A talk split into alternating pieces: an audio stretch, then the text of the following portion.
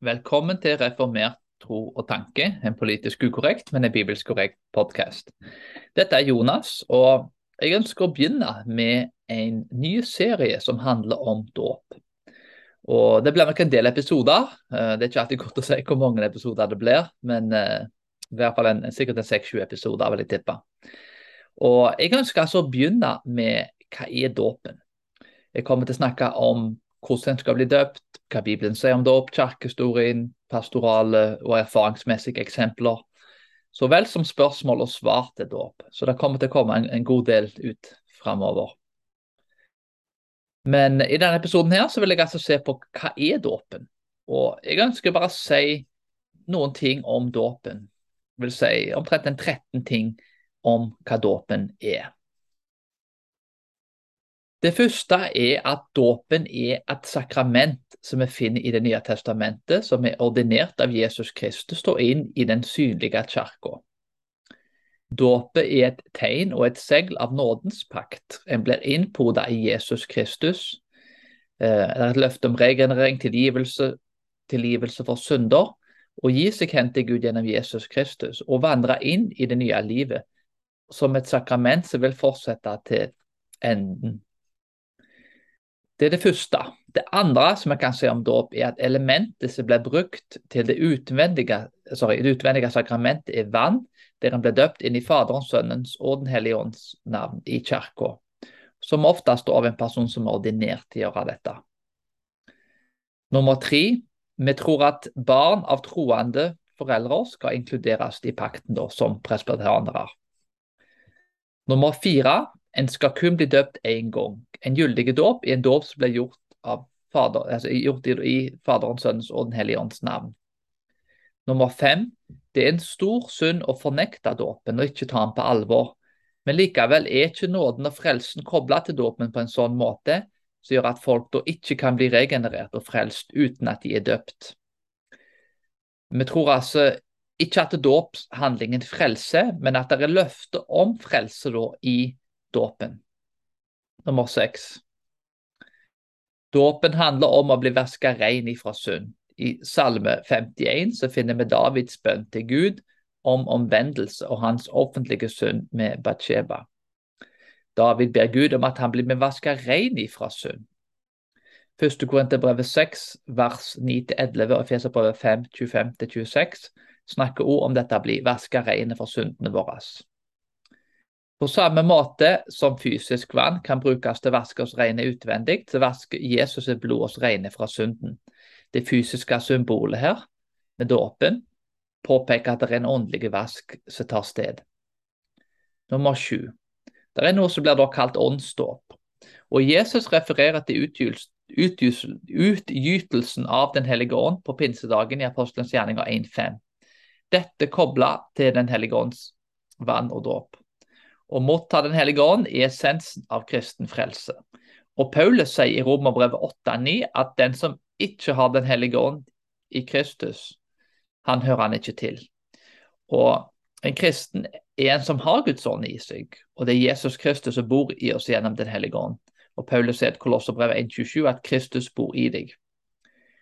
Åndsdåp og frelse da er kobla sammen. Når vi mottar Guds ånd, så er våre synder vaska bort og rensa fra all urettferdighet. Det betyr at vann og dåp og åndedåp er kobla, fordi vanndåp påpeker på åndedåp.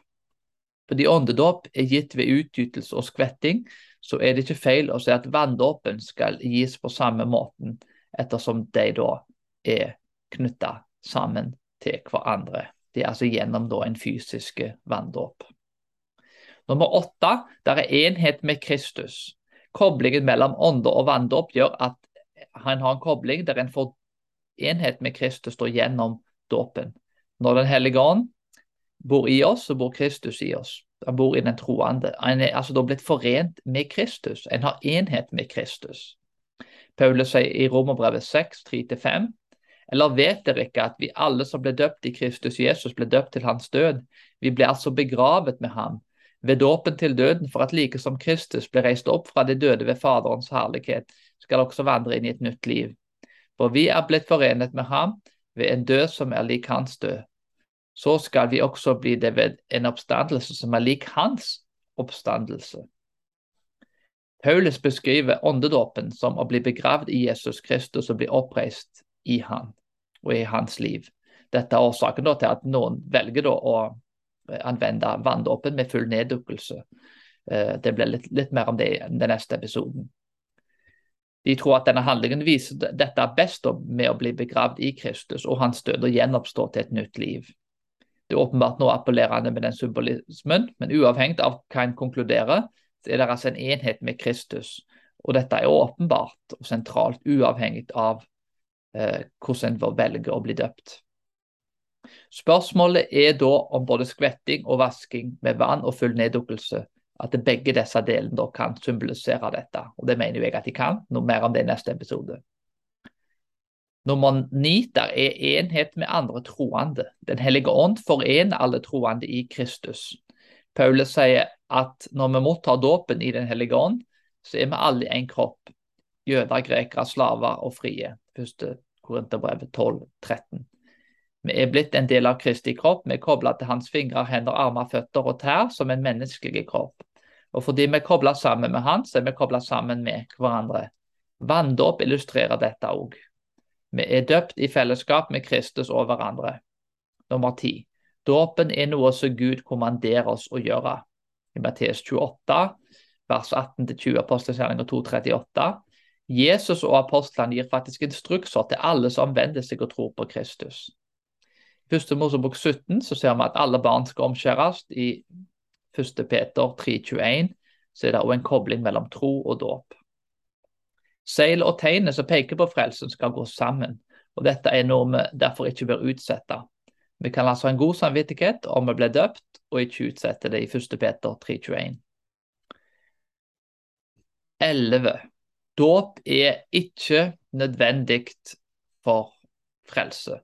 Tyven på korset i Lukas 23 døde uten å ha blitt døpt, men han ble likevel med Jesus til paradis. Dåpen er viktig, men ikke nødvendig for å bli frelst. En bør likevel døpes for å ha en ren samvittighet for Gud. Og Det er et løfte om frelse da, i dåpen. En må vise til en offentlig symbol, symbolsk handling, at en har tatt imot frelsen fra Gud. Og Det skjer da gjennom dåpen, som er denne offentlige symbolske handlingen. Det er jo en lydighets handling da for troende og for troendes barn på vegne da, av at barnet vil da bli oppdratt i troen. Nummer tolv. En skal ikke døpes mer enn én en gang, uavhengig av alder. Dåpen er et tegn, og et tegn er ment å representere noe. Destinasjonen for tegnet er ikke så viktig som dets nærvær. Når en er ute kjører på en vei, så ser en et skilt gjerne, og, og så viser da der en skal gå. Og En trenger ikke et nytt skilt for å fortelle oss at vi har kommet der vi er. Eh, det holder med det ene skiltet når en, etter, etter en har kommet der en er. Vi trenger altså motta tegnet som viser oss veien én gang når vi er kommet der vi er. Apostlenes gjerning 8.9.24 så ser vi Simon Magikeren som responderer på forkynnelsen i Filippi mens han betaler for åndens gave med penger. Og Peter responderer til Simon og påpeker at hjertet hans ikke er rett med Gud. Simon ble altså da døpt med en falsk bekjennelse, men forteller, uh, sorry, Peter forteller oss ikke at Simon da må døpes opp igjen om han omvender seg.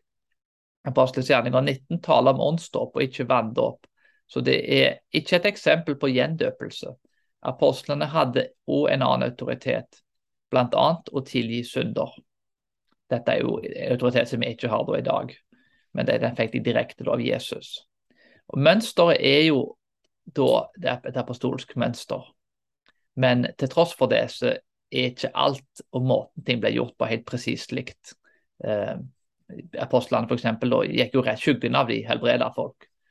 Og de hadde en autoritet og en, en, en, kraft som jeg tror ikke er tilgjengelig for vanlige folk. da, Med tanke på at de var, de var med Jesus og fikk den kraften direkte av han.